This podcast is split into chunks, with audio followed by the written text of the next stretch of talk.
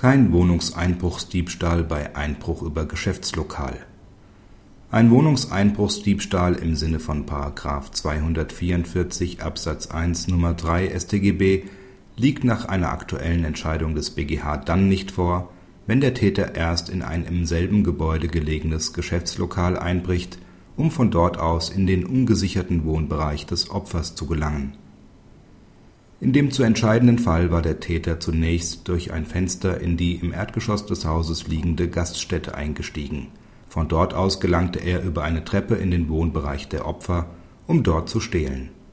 Für den BgH sind die Voraussetzungen eines Wohnungseinbruchsdiebstahls im Sinne von § 244 Absatz 1 Nr. 3 StGB hier nicht erfüllt.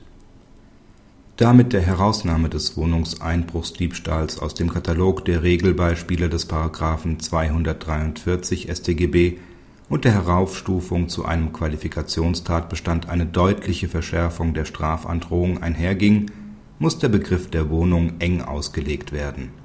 Zwar bezweckt der Tatbestand neben dem Schutz des Eigentums auch den Schutz der häuslichen Privat und Intimsphäre, und diese ist auch dann verletzt, wenn der Täter sich den Zutritt zur Wohnung über ein im selben Gebäude gelegenes Ladenlokal verschafft. Dennoch können solche vom Wohnbereich völlig getrennt untergebrachte, rein geschäftlich genutzte Räumlichkeiten nicht mehr dem Wohnungsbegriff zugeordnet werden. Nach Auffassung des BgH steht daher die Wortlautgrenze der Annahme eines Wohnungseinbruchsdiebstahls entgegen. Denn hier erfolgte der Einstieg in das Gebäude durch Räume die ausschließlich geschäftlich genutzt wurden und unter keinem Gesichtspunkt dem Wohnbereich zuzuordnen waren. Praxishinweis Die Entscheidung verdient Zustimmung.